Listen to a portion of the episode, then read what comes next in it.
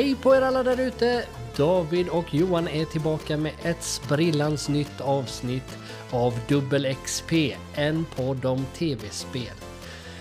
Vi har kanske inte lyckats hålla vårt planerade releaseschema riktigt som vi har tänkt, men det är ju fortfarande bara fjärde avsnittet så vi håller på och reder ut alla kinks för att få en eh, så bra podd som möjligt helt enkelt.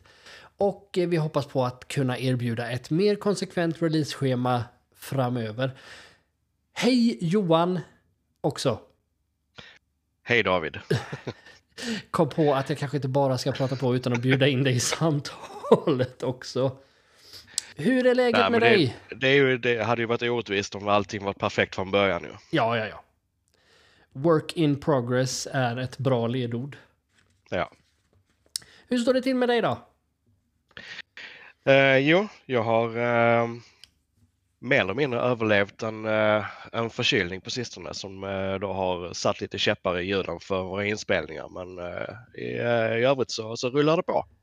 Härligt, härligt. Man vet ju också, det är ju bevisat att män blir sjukare av förkylningar än kvinnor.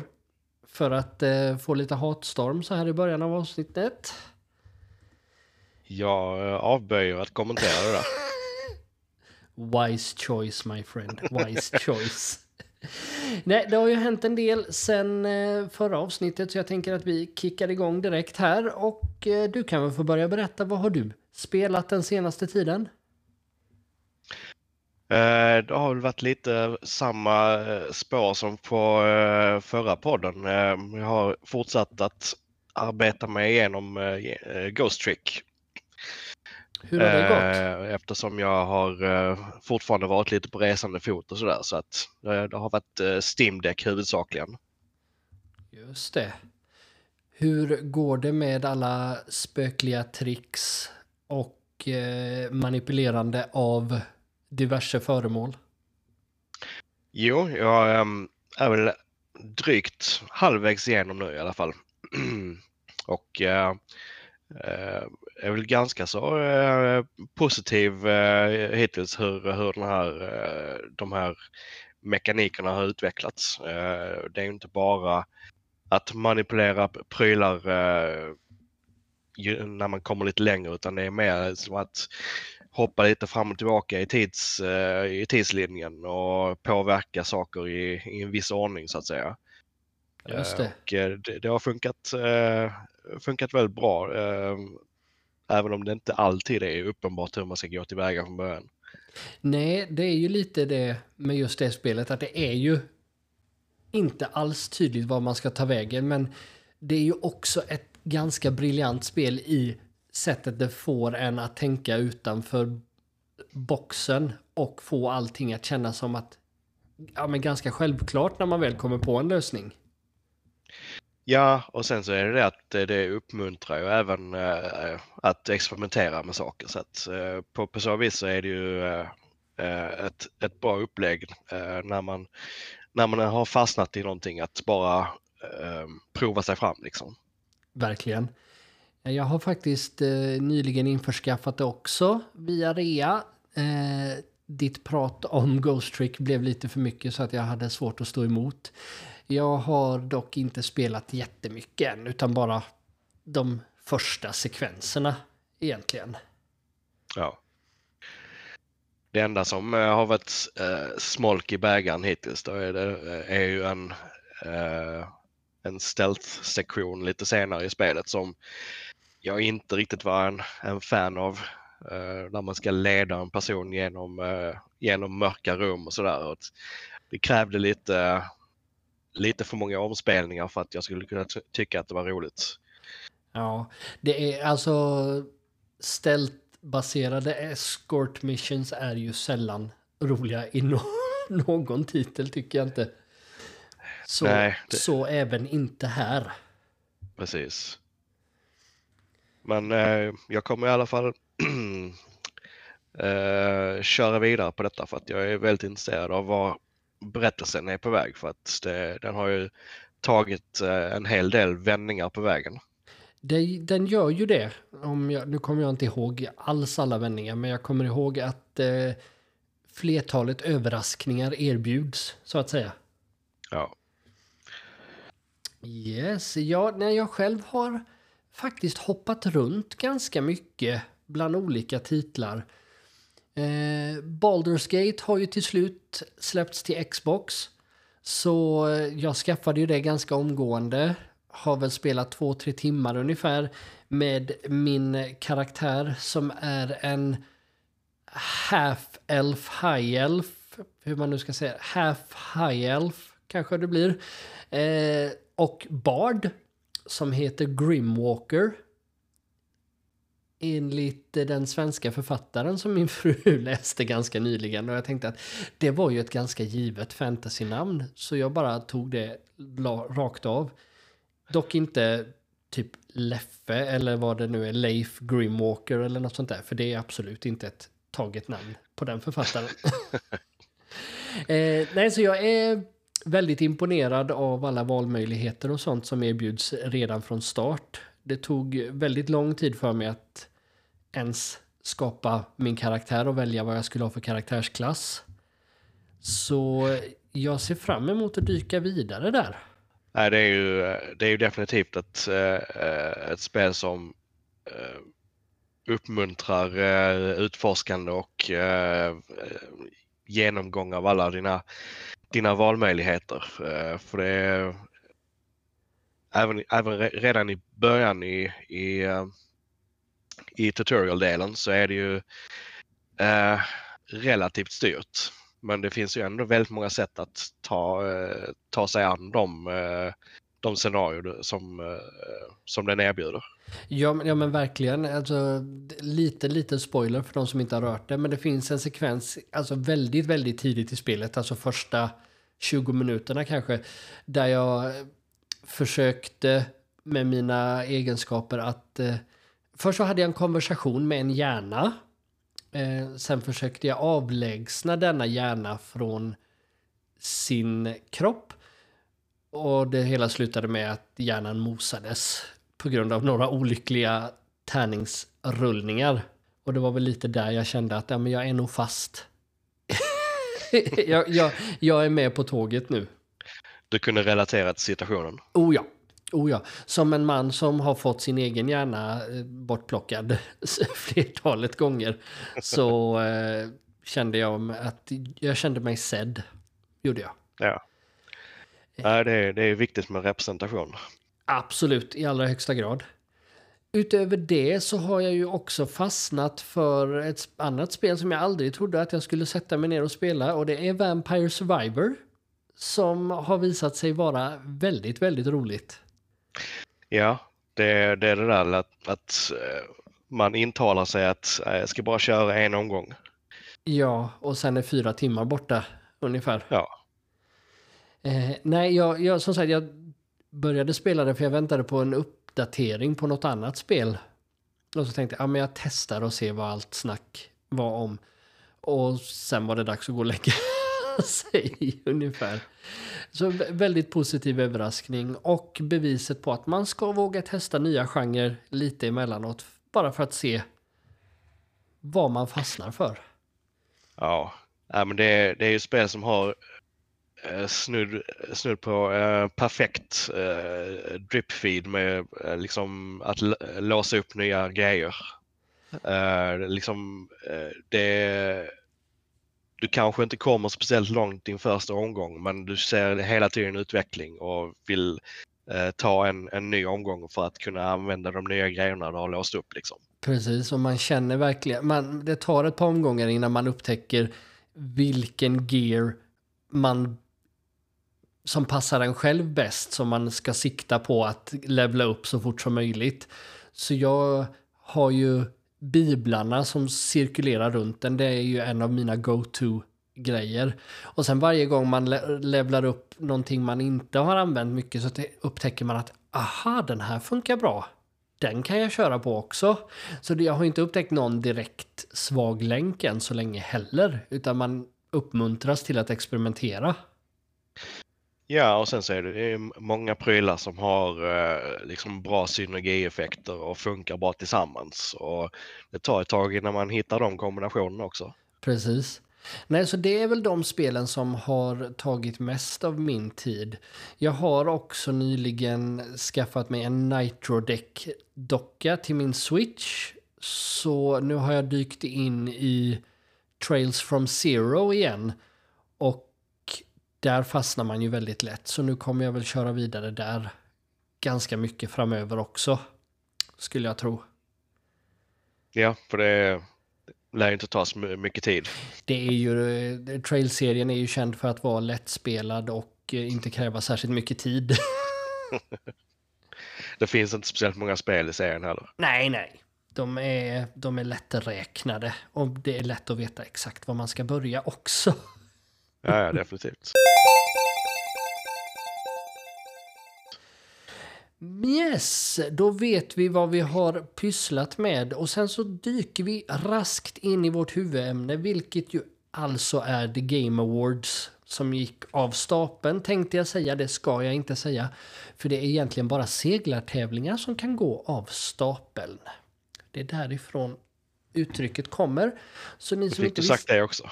ja, jag eh, påpekar det så ofta jag får chansen när någon säger att något går av stapeln. Eh, så ni som inte visste det, då vet ni att det är seglartävlingar som går av stapeln och inget annat. Men vi har ju plockat ut lite, lite olika grejer var från The Game Awards att diskutera.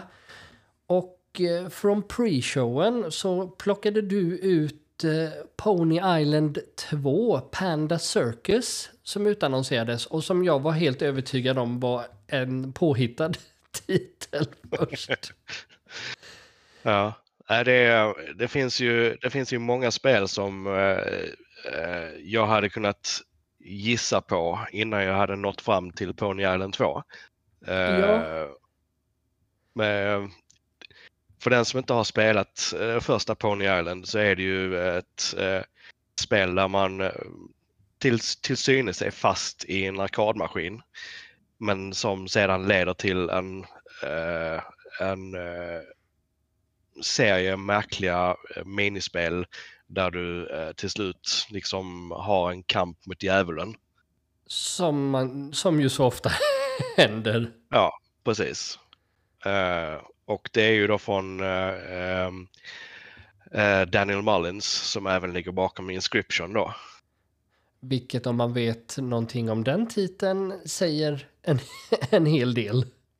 Ja, det är också ett, eh, ett sånt spel som vänder upp och ner på förväntningar. Liksom, eh, det börjar som ett kortspel men sen så eh, driver det vidare och eh, blir någonting helt annat. Mm.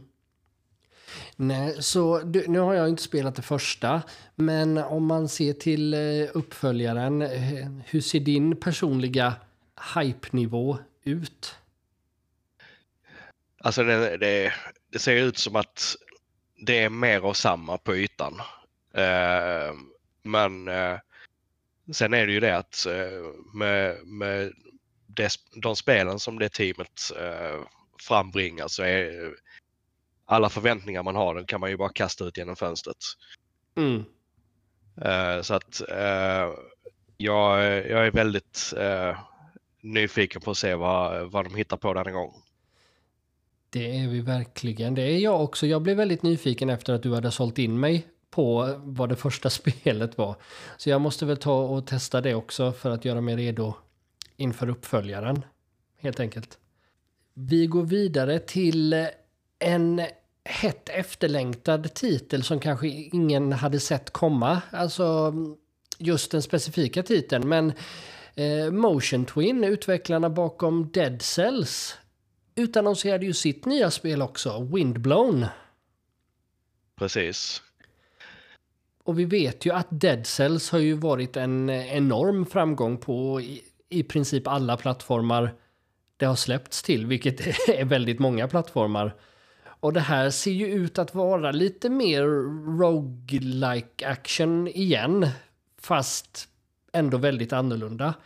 Det är ju lite animerad, nästan anime-stuk på det också. Eh, på karaktärsdesignen, ja. vilket ju direkt lockar mig. Precis. Eh, sen så är det ju även eh, en eh, isometrisk kameravinkel denna gången så att eh, det är inte en, eh, en sidoskrollare. Nej, och det ser väldigt snabbt ut från den första trailern. Det är väldigt snabb, mycket, mycket snabba rörelser och hela Ja. den biten också. Så jag, eftersom jag uppenbarligen nu är en uh, roguelike fantast efter att ha börjat spela Vampire Survivor så måste jag väl se fram emot det här också.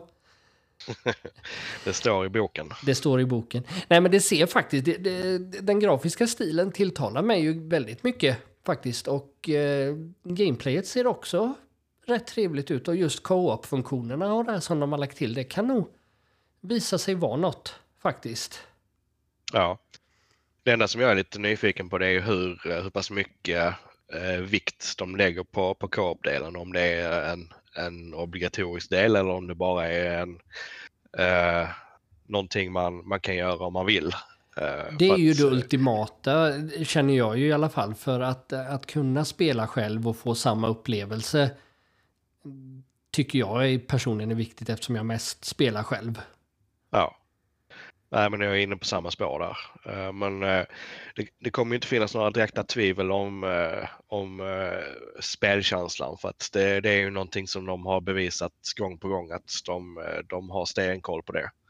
Oh ja, de har ju också lyckats få göra i princip ett eget Castlevania i, inne i Dead Cells. Så jag menar det talar ju för, för studions pedigree också och vad de har för status hos andra utvecklare. Precis. Nej, så det ser vi fram emot också. Har de satt någonting? Det var ett early access-spel har jag för mig. Ja, de kommer väl att köra samma koncept där som de gjorde med Dead Cells. Att eh, de, eh, de kör eh, en rätt så rejäl period i, i Early Access innan de släpper lös det på, på andra plattformar. Precis. men det, det är ju bevisligen någonting som funkar för dem så att det, det är fine by me. Ja, ja. 100% håller med. Och det var väl någon gång våren 2024 har jag för mig att det pratades om. Ja, precis. Som, eh, jag vet inte om det skulle släppas i Early Access då, men de skulle ge mer information då i alla fall. Ja, just det. Vi får eh, vänta ett tag till, helt enkelt. Nästa spel du valde ut på listan är Thrasher. Och inte det gamla skatingspelet, utan eh, från utvecklaren bakom Thumper. Och eh, alla som har spelat det vet att eh, det är totalt psykedeliskt rytmspel med mer eller mindre mardrömslika bilder. Och ja, vad kan man säga om Thrasher då? Ja, eh, den spontana känslan jag hade var ju att eh, det är ett mer eh, högtempo, en, en mer högtempoversion av eh, av Flow, det gamla That Game Company-spelet. Just det, ja.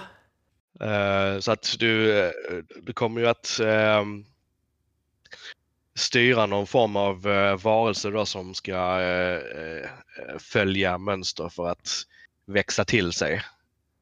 Och eh, då kommer det ju bara i, i vissa mönster man ska följa och eh, eh, kommer ju då vara kopplat till musik precis som i Thumper. Och det behåller ju lite den här eh, det psykedeliska färgtemat och alltså det visuella bildspråket verkar ju vara åt samma håll som i Thumper. Fast inte lika våldsamt mot sinnena. In, inte fullt lika mycket och det, det kan väl vara bra för alla som ja, vill ha hjärnan icke liquefied egentligen. Man Eh, har, nej, inte levt har- förrän man, har, man har inte levt förrän man har spelat eh, Thumper i VR. Oh, det har jag inte ens testat och det är jag nog rätt glad för. Alla som har någon form av anlag till huvudvärk och migrän bör ju, bör ju egentligen undvika Thumper. Men, men det är ju en uh, unik upplevelse på alla sätt och vis så jag är ju väldigt nyfiken på att se vad de hittar på med den här, ja, inte uppföljaren, men det nya spelet. Verkligen. Ja. Ja, här hade vi då tre intressanta titlar och det var bara på pre-showen under Game Awards. Eh, sen när vi drog igång själva showen då började de ju att dela ut Best Performance och det var ju någonting vi diskuterade i förra avsnittet. Och det blev ju Neil Newbon som tog hem priset och det var ju just Asterion i Baldur's Gate 3 han spelade, precis som vi misstänkte. Ja, precis. Och nu efter att ha åtminstone träffat karaktären i, i spelet så kan jag ju säga att ja, men jag tycker det är ett absolut välförtjänt pris. Det är en, eh, en välspelad karaktär på alla sätt och vis. Eh, nyanserad på väldigt kort tid. Eh, så jag har inga invändningar där överhuvudtaget. Nej, inte jag heller. Eh, det, eh, det som är kul med Asterion det är ju att han slirar så väldigt mycket mellan eh, att vara lite dryg och lite eh, charmig och lite farlig och sådär. Han, man vet inte riktigt var man har honom. Nej, han, alltså, jag får ju lite känslan av att han, han kan gå balansgång från att vara alltså, snudd på comic relief till en väldigt eh, seriös karaktär och liksom det är en svår balansgång. Både ur manusperspektiv men också ur, från ur skådespelarperspektivet. Ja, det var även kul att se eh, när han eh, tog emot priset att det, det betydde ju verkligen mycket för honom för att han var ju ganska tagen. Han blev ju väldigt eh, rörd och man märkte att eh, han uppskattade det verkligen. Och han, när han eh, pratade om alla människor som har kontaktat honom och berättat hur sedda de känner sig av spelet så... Eh, nej, det var, det var ett bra tal. Ja. Definitivt. Och välförtjänt pris. Det var i början på segertåget för, uh, för Baldur's Gate under kvällen också. Ja, alltså spoiler alert, de, de kammade ju hem väldigt, väldigt mycket. Det gjorde de ju i allra högsta grad. Ja. Vilket vi kommer att eh, påpeka under avsnittets gång här. Sen hade vi, ja men vi kan ju ändå nämna att Matthew McConaughey dök upp och eh, ska vara med i något sci-fi-spel och Christopher Judge som spelar Kratos skickade en känga mot Call of Duty som inte togs emot sådär jätteväl av, av folk i allmänhet. Nej, det var väl eh, kanske lite för, för nära sanningen för vissa. Ja, jag, jag, ska erkänna att jag skrattade åt skämtet, det gjorde jag. Eh, ja. Sen, ja, folk jobbar ju hårt även med korta spel som pressas Självklart. fram. Men eh, ja, man får tycka vad man vill om det, absolut. Det ja. första som jag sen markerade på listan, för de som känner mig var det inte helt överraskande, men det har Lego-koppling. Eh, det var ju Lego Fortnite som visades upp. Och jag var ju självklart tvungen att testa detta. Så jag har för första gången på väldigt, väldigt länge spelat Fortnite. Och från det jag kan säga, alltså just Lego Fortnite är ju inte eh, Last Man Standing varianten som alla andra spelar för det mesta, utan det är ju egentligen en Lego-version av det Fortnite ursprungligen var. Nämligen alltså ett eh, mer åt survival-hållet med mycket crafting och byggande för att sen ta sig an fiender. Och ja, det är Fortnite survival med lego-figurer egentligen. Varken mer eller mindre. Ja, ja, men lite så. Alltså visst, alla byggnader och sånt är ju lego istället och det öppnar ju upp en, en väldig kreativitet att du kan i princip bygga vad du vill inom citationstecken i legoform.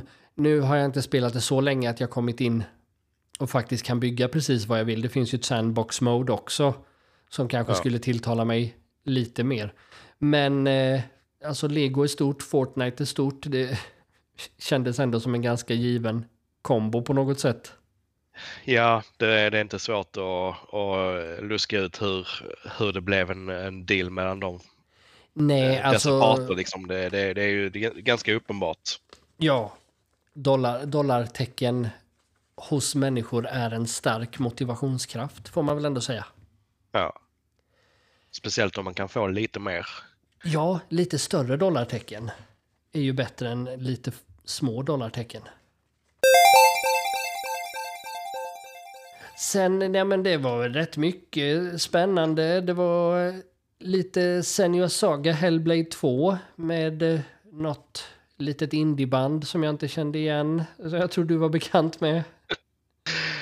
Ja, eh, Heilung är ju eh, ett, eh, ett av mina favoritband, eller rättare sagt det är, eh, när jag såg dem live eh, så var det en av mina största konsertupplevelser. Det var otroligt eh, stämningsfullt att, se dem, eh, deras framträdanden. Kul att se dem på en, en så här pass stor scen också då, såklart. Ja. Eh, och just och det var ju kopplat till Senua Saga Hellblade 2. Sen ja, kom de ju... är ju med på, eh, på, på det soundtracket lite överlag så att de har ju bidragit rätt mycket musik där. Just det. Sen kom vi ju till det som kanske var en av mina favoritpunkter, eller favoritutannonseringar. Det var, vi pratade ju om i förra avsnittet om att Sega skulle visa någonting. Men jag tror väl inte att någon av oss hade trott riktigt vad de skulle visa upp. Nu, nu var det ju förvisso väldigt tidigt i utvecklingen på mycket av det här. Men de visade alltså en trailer som innehåller nya spel i följande serier. Det var Jet Set Radio, Shinobi, Golden Axe, Streets of Rage och Crazy Taxi. Och eh, jag tyckte eh, i princip att alla såg ganska spännande ut, faktiskt. Ja, utan tvekan. Liksom det, eh, det, är ju, det var ju lite av en, av en makt, maktdemonstration från, från Sega. Liksom, att det här har vi i, uh, uh, i vårt arkiv. Liksom, och det här kommer vi att göra nytta av. Precis. Det var lite som att vi behöver egentligen inte någon av de här franchiserna, men här får ni för att vi vet att ni vill ha det. Det var lite den känslan jag fick och eh, ja men alltså Golden Axe vet jag inte när det var aktuellt senast. Det är väl den som kanske har varit bilandes längst.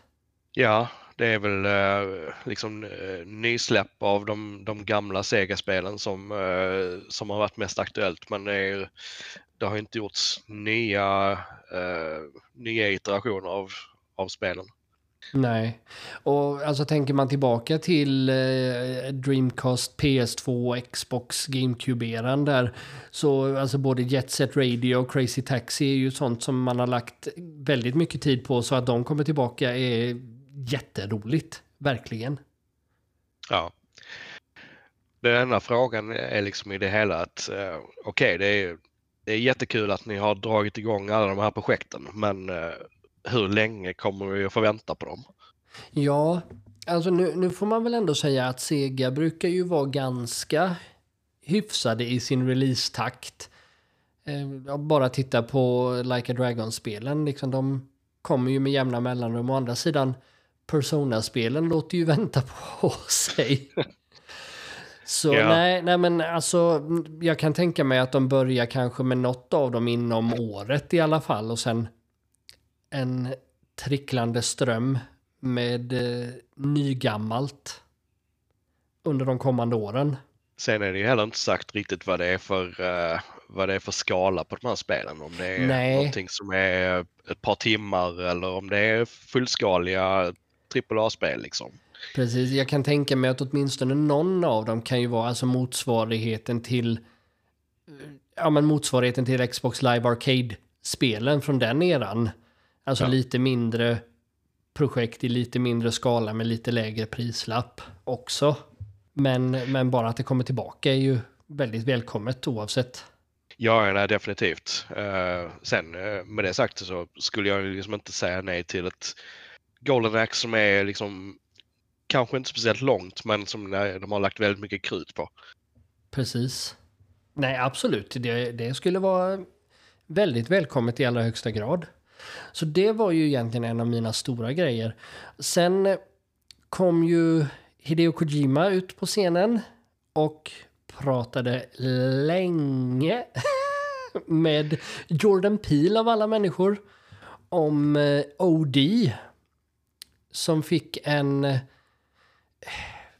Ja, det var väl en trailer får man väl säga, men exakt vad den På sätt och innebar. vis. Ja, de, jag läste att de hade gömt bokstäver i munnen på udokier. Eh, som, ja. Eh, Har ni inte sett det och, och inte vet vad det är vi babblar om så kolla upp den första trailern till OD. eh, som är Kojimas nya projekt tillsammans med Avengers av filmskapande eller något tror jag han uttryckte det som. Eh, bland annat Jordan Peele. Och det kommer ju ha Sophie Lillis från eh, It-filmerna och Eh, Dungeons and Dragon-filmen som en av huvudrollerna. Och så eh, legendariska Udo Kier, denna karaktärsskådis som dyker upp också. Och ja, det man kan säga är väl att ingen vet vad det är för någonting. Nej, det är väl frågan om de själva vet vad det är ens. Det, det, det, det lät ju lite flummigt i det, det som de beskriver, men eh, samtidigt så är det väl förmodligen en, en bra stund kvar tills det går att se någonting konkret. Mm, förmodligen. Det, det ryktas ju om att eh, det kanske rör sig om en Xbox-exklusiv titel. Eh, ingen har bekräftat något. Men, eh, jo, men det, det lär det väl vara eftersom de, eh, de, det är ett samarbete med Microsoft Game Studios. Just det. Precis. Ja, det får man väl nästan förutsätta. Även om Microsoft har varit lite dåliga på att ta cred för eventuella exklusiviteter. Det var samma sak med Blade-spelet som utannonserades som eh, som kommer från Bethesda då, eller snarare från Arcane. Som mm, det verkar väl kanske ha visat sig att det kommer vara en exklusiv titel, men de verkar vara rädda för att ta cred för det just nu. Ja, det är, det är mycket eh, som eh, ligger eh, uppe i luften just med de, de studier som de har införskaffat på sistone, inklusive Bethesda-dealen. De har ju det har ju varit mycket fram och tillbaka om vad som ska vara exklusivt och vad som inte ska vara exklusivt. Så att det, vi, vi får se liksom vad, vad, det, vad som sägs framöver. Precis. Och det ryktas ju lite om också att eftersom eh, FTC eller vilka det nu är i USA fortfarande håller på att överklaga deras köp av Activision så är de väl kanske lite försiktiga med att stoltsera med allting exklusivt för att inte ge dem vatten på sin kvarn också. Ja, ja. Nej, men så är det ju säkert. Så det återstår att se helt enkelt. Men det jag tycker är intressant är liksom att eh, om man tittar lite på det så både Kojima och eh, Jordan Peele har ju rätt så stora likheter i det, det sätt de skapar berättelser. Just med att eh, de, de har inte något problem med att eh, eh vända upp och ner på förväntningar och, och, och skapa någonting som du inte riktigt väntar dig. Nej men verkligen. Det har ju varit eh, en röd tråd genom alla Jordan Peels egna filmer sen han började regissera att eh, du vet aldrig riktigt vad du kan förvänta dig. Eh, många har ju varit att, ja men typ en skräckfilm fast inte riktigt och sen vrider den och vänder på människors förväntningar i både Get Out, Us och Nope egentligen. Ja. Så att han är inblandad ser jag ju bara som något väldigt, väldigt positivt. Ja, nej, definitivt. Uh, sen är det ju uh, Kojima kan man ju säga vad man vill om. Det, det, han gör ju kanske inte alltid de bästa spelen, men han gör intressanta grejer. Jo, men det får man ju ändå ge honom. Alltså, jag är ju inte världens största fan av Kojima. Jag är inte, inte ett fan, bör tilläggas. Men han gör ju allt, han har ju en vision för vad han vill göra och han gör det fullt ut varje gång. Och oavsett om man tycker om det eller inte så tycker jag att man förtjänar cred för det. Ja. Nej, det är, det är ju inte, det är inte många andra som, eh, som pushar eh, gränsen för eh, alltså märkliga saker som han gör. Absolut inte. Absolut inte. Han är ju unik i den aspekten och som sagt, nej men kudos till honom och eh, ser fram emot att se vad han hittar på med OD när det väl släpps och vad det än visar sig vara. Yes, så ska man gå vidare då och titta på ett annat pris som delades ut som faktiskt var någonting vi ungefär diskuterade så var det ju Best Audio Design. Vi pratade väl om musiken framför allt men ville ändå lyfta att Hi-Fi Rush vann det här priset. Så Det vann ju inte musiken, vilket vi kommer till sen, men eh, nära nog värt att nämnas i alla fall, tycker jag.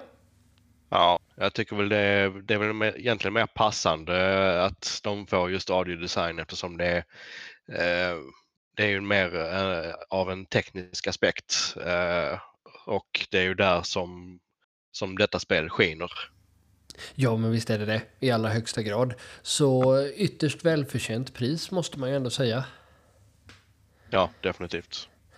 Sen hade vi näst på vår lilla lista här så har du lyft fram Lost Records Bloom and Rage som en utannonsering. Ja, eh, det... Jag är ju en eh, långtida fan av eh, Dontnod och deras eh, Life is Strange-serie. Eh, och eh, detta spel var, det var inte, det tog inte många sekunder innan man såg deras, eh, deras fingeravtryck på, på detta spel. För det är lite samma eh, stämning och eh, upplägg så att säga. Ja, nej men det verkade ju verkligen som. För nu första sekunden här så började jag fundera på vilket var det nu igen. Men sen kom jag ju på att det var ju det som kändes som eh, en spirituell uppföljare nästan till Life is Strange-spelen. Det var väldigt mycket samma vibbar och bara det gör ju att jag är på tåget på en gång. Ja.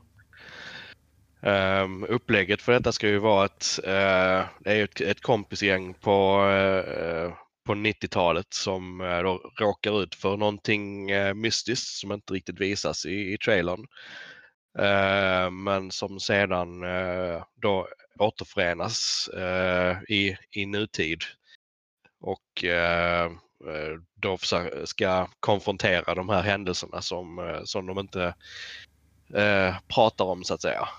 Precis. Jag får, jag får lite vibbar av tv-serien Yellow Jackets. Eh, för de som har sett den. Eh, som också kan väl vara lite, lite lost-vibbar. Det är någonting som har hänt som man inte riktigt får veta. Så får man följa både nutid och dåtid och även det, även Yellow Jackets utspelar ju under 90-talet. Men snäppet mörkare tror jag än vad, vad det här kommer visa sig vara. Ja. Jag misstänker ju att det kommer att vara en, en del eh, hopp fram och tillbaka i, i, eh, i tiden här. Eh, så att jag är väldigt, väldigt nyfiken på vad de, vad de åstadkommer med detta. För det ser, ser väldigt intressant ut. Absolut. Jag ser fram emot det och som sagt Dontnod har lite frikort hos mig. Jag spelar vad de än gör höll jag på att säga. Ja, nej de har ju eh, bevisat gång på gång att eh, de är mästerliga på det där med berättandet och eh, skildrandet av eh, emotionella berättelser i synnerhet. Ja, i allra högsta grad. Alltså eh, första Life is Strange hänger fortfarande med mig väldigt starkt. Ja, det är många av de plot-twisterna i det, i det spelet som, eh, som sitter på, på näthinnan. Ja, verkligen, verkligen. Det blir väldigt spännande att se vad de, vad de hittar på med det.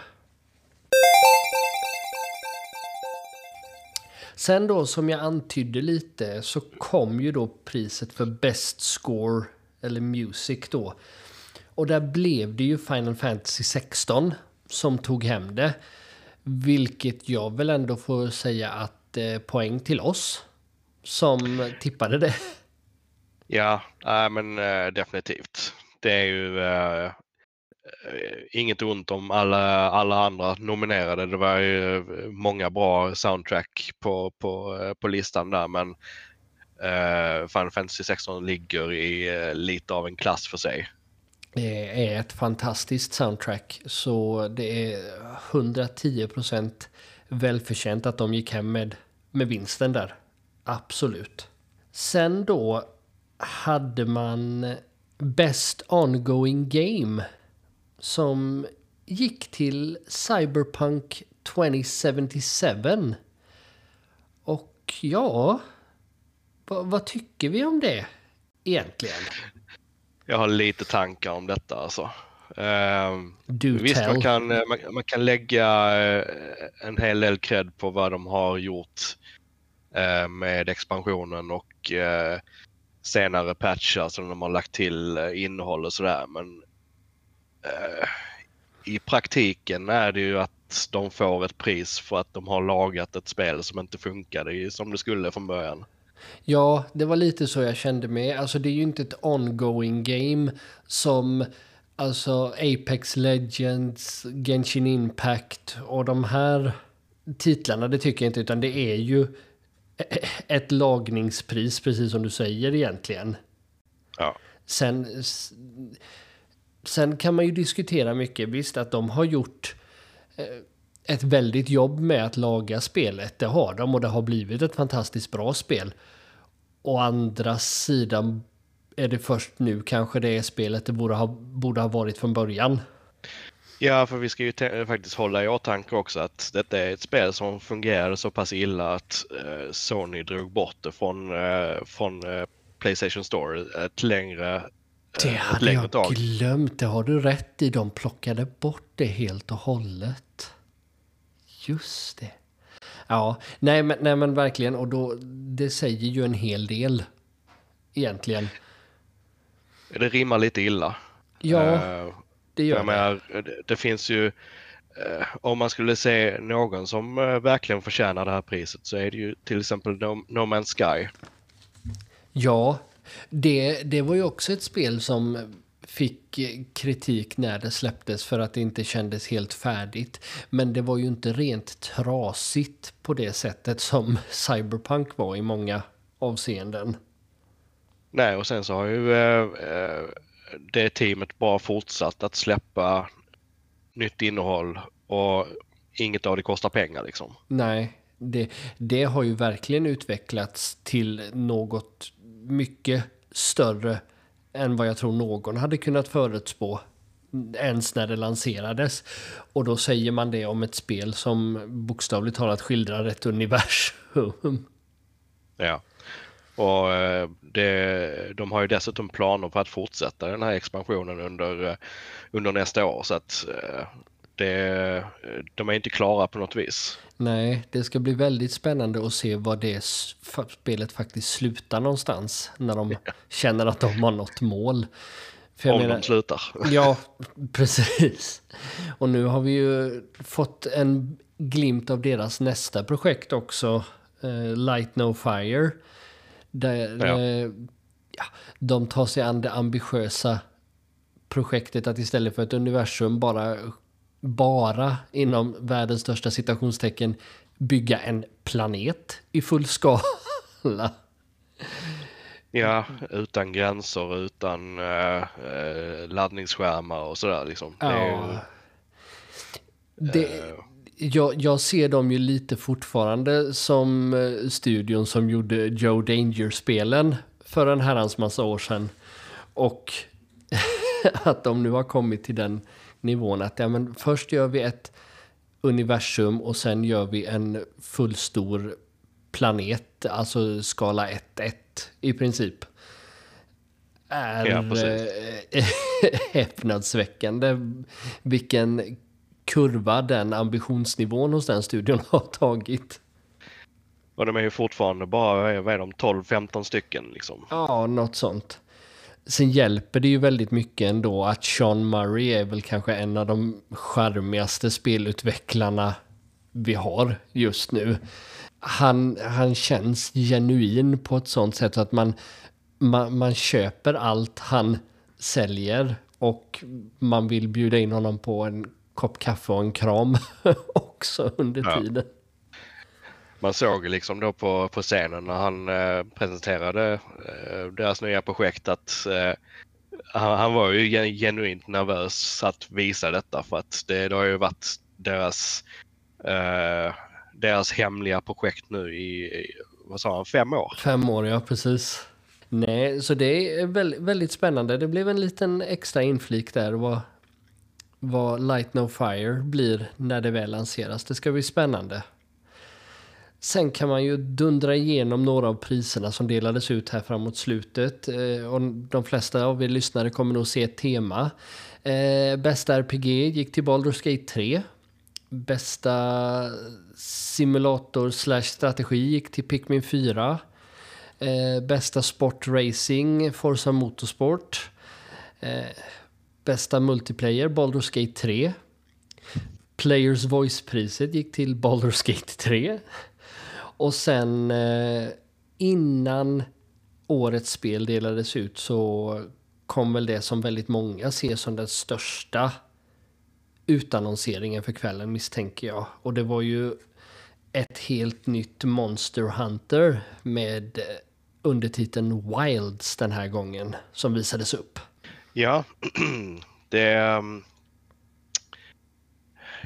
är väl ett spel som jag inte riktigt hade, hade tippat skulle vara, vara på gång. Eh, visserligen eh, har de ju många pågående eh, Monster Hunter-spel eh, parallellt så att eh, ehm, det ehm, jag hade inte riktigt tippat att de skulle ha bandbredd till ett stort till.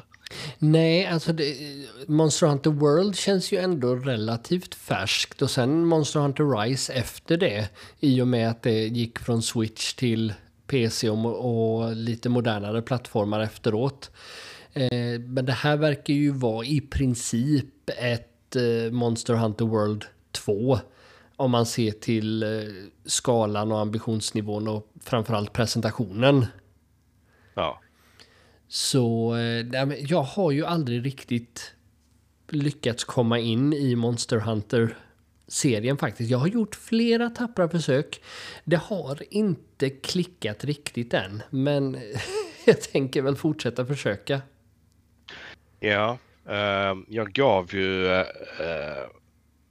World ett, ett ganska så tappert försök. Uh, men eh, klickade inte riktigt för att det är, det är så många eh, liksom grundläggande funktioner eh, som är fortfarande så otroligt trubbiga.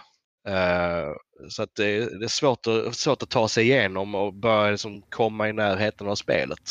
Ja, och då är ju World och Rise ändå väldigt streamlinade om man jämför med de äldre spelen. Och det säger ju en hel del då om hur lång väg serien kanske behöver gå ändå. För mig ja. personligen. Ja, mitt första försök var ju med ett av de gamla PSP-spelen och det var ju helt ospelbart. det, var, det var ju på den tiden när den serien var extremt inriktad på den japanska marknaden. Verkligen. Där, där PSP sålde som smör i solsken. Inte att den sålde dåligt eh, annars men där var det ju verkligen något extremt. Ja, det fanns ju till och med eh, fansen hittade på egna sätt att hålla eh, hålla PSPn eh, för att ha så eh, optimalt kontrollschema som möjligt. Vadå, gör inte du det med, med DualSense-kontrollen menar du? Kanske inte alltid, nej. inte alltid. Fair enough. Nej, men det ska bli spännande att se vad, vad det spelet kan erbjuda. Det var väl 2025 som det talades om där. Om jag ja, inte minns helt fel. Så det är ju fortfarande ett tag kvar. På alla sätt och vis. Nej, men det blir spännande att se oavsett. Och sen hade vi ju då Game of the Year som delades ut här i slutet på galan. Och eh, som vi tippade, inte helt oväntat, Baldur's Gate 3 tog hem det, den här kategorin också. Och ja, från det jag har spelat hittills så välförtjänt. Ja, eh, det här är liksom ett år där i princip alla de nominerade hade kunnat vinnas. Men eh, det jag tycker ändå för, från ett personligt perspektiv så uh, Baldur's Gate sticker ut uh, uh, rent liksom kvalitetsmässigt och eh, den, den scope av det projektet de har gjort är ju helt imponerande också. Ja, det, det är lite ogreppbart nästan. Det har, från att ha gått och varit en genre som egentligen bara Larian själva fortfarande har jobbat aktivt med. Eh, vissa andra utvecklare också. Till att bli den här massiva dundersuccén. Så bara det egentligen är ju ett Eh, ett, betyg i sig. Men det här priset fastställer ju också att eh, folk gillar det och det är ett välförtjänt Game of the Year. Helt klart. Och det är ju dessutom ett, eh, ett ganska så, eh, vad ska man säga, för alla som är nyfikna på de, de här Dungeons and Dragons spelen, alltså själva Eh, eh, tabletop-versionerna då. Detta är ju ett, ett ganska så enkelt sätt att ta sig in i i vad det innebär så att säga. Exakt, det är väl lite så jag har känt också. För jag har ju alltid varit väldigt nyfiken på D&D men ja, aldrig haft liksom folk att spela med och, eller tid att sätta sig in i det och hela den biten. Men här är ju faktiskt en digital dd upplevelse på alla sätt och vis. Ja, och eh, den här berättarrösten funkar ju lite grann som en, eh, som en spelledare också så att eh, det är ju, man får en, en ganska så komplett upplevelse. Mm, definitivt. Och när jag ser fram emot att spela vidare, vilket jag eventuellt kommer göra när vi är färdiga med den här podcasten för idag. Yes, då är ju lite av våra diskussioner kring The Game Awards. Vi har lite andra grejer att eh, beta av också innan vi tackar för det här avsnittet. Eh, något lite spännande och sen två lite mindre roliga saker kanske. Det första är ju att eh, det har börjat cirkulera lite ah, lite mer trovärdiga rykten kring en eventuell PS5 Pro-uppdatering. Ja, så är det ju. Eh, det har ju börjat dyka upp eh, en del eh, läckor från fler och fler håll som verkar peka på att vi får en, en ny version av PS5-konsolen nästa, nästa år redan. Ja, och man, man säger redan nästa år, men då får man ändå tänka på att då är ju konsolen faktiskt fyra år gammal framåt hösten. Så kanske inte helt orimligt att tänka sig att man är halvvägs genom generationen då. Så på det sättet, ja, jag, jag kan tänka mig det. Ja, um, så är det ju. Det, det som skiljer sig mot, eh, mot förra generationen det är att um, nu har vi haft en ganska så lång period där eh, spel har fortsatt att släppas till både PS4 och PS5. Eh, och det hade vi ju inte förra, eh, förra eh, generationen om man säger så. Nej, precis. Då var det ett lite mer tydligt break mellan generationerna. Så det, det blir ju intressant att se om PS5 Pro eller vad det nu kommer kallas, om den kommer bli mer som ett generationskliv, alltså ett Alltså att den lämnar PS4 bakom sig till slut eller hur det faktiskt kommer att fungera. Ja. Ehm, det kommer ju, eh, kommer ju inte vara en, eh, en ny, alltså ett, ett generationsskifte på så vis. Eh, jag har grävt ner mig lite i de, den technörderi som har, som har dykt upp. Det är inte speciellt mycket än. Men själva CPUn kommer inte skilja sig nämnvärt med en lite högre klockfrekvens. Eh, utan den fokus på, eh, som, eh, som de har lagt på förbättring. Eh, alltså de, de, de, har fokuserat på eh, att ge lite mer kräm till grafikprocessorn och att implementera acceleration till raytracing. Ja, just det. och det är ju där som de alltså som konsolerna idag ligger, ligger bakom PC-marknaden. Ja, precis. Nej, men det låter ju helt klart spännande och jag tänker att som sagt det är nog rätt väg att lägga krutet på, åtminstone för en midgen uppgradering. Så det ska, bli, det ska bli väldigt spännande att se vad de hittar på med det och när de väljer att visa någonting. Precis. Och eh, fortsätter på Playstation-spåret. Eh, häromdagen kom ju nyheten lite som ett bombnedslag egentligen att Naughty Dog eh, väljer att skrota utvecklingen av eh, det onlinefokuserade Last of Us-spelet. Ja, det är ju eh, ett projekt som har skjutits upp och skjutits upp och haft lite problem att få, få ordning på, på, på utvecklingen så att säga. Ja, det är väl så. Det är väl den känslan man har fått egentligen. För man har inte fått se någonting annat än lite konceptbilder och att utvecklingen rullar på. Det här var ju en del i det som skulle bli Sonys stora push in i Games as a Service-genren. Och eh, än så länge har det ju inte gått jättebra för dem kan man väl inte säga. Eh, och det här blir ju ytterligare ett, ett slag tillbaka.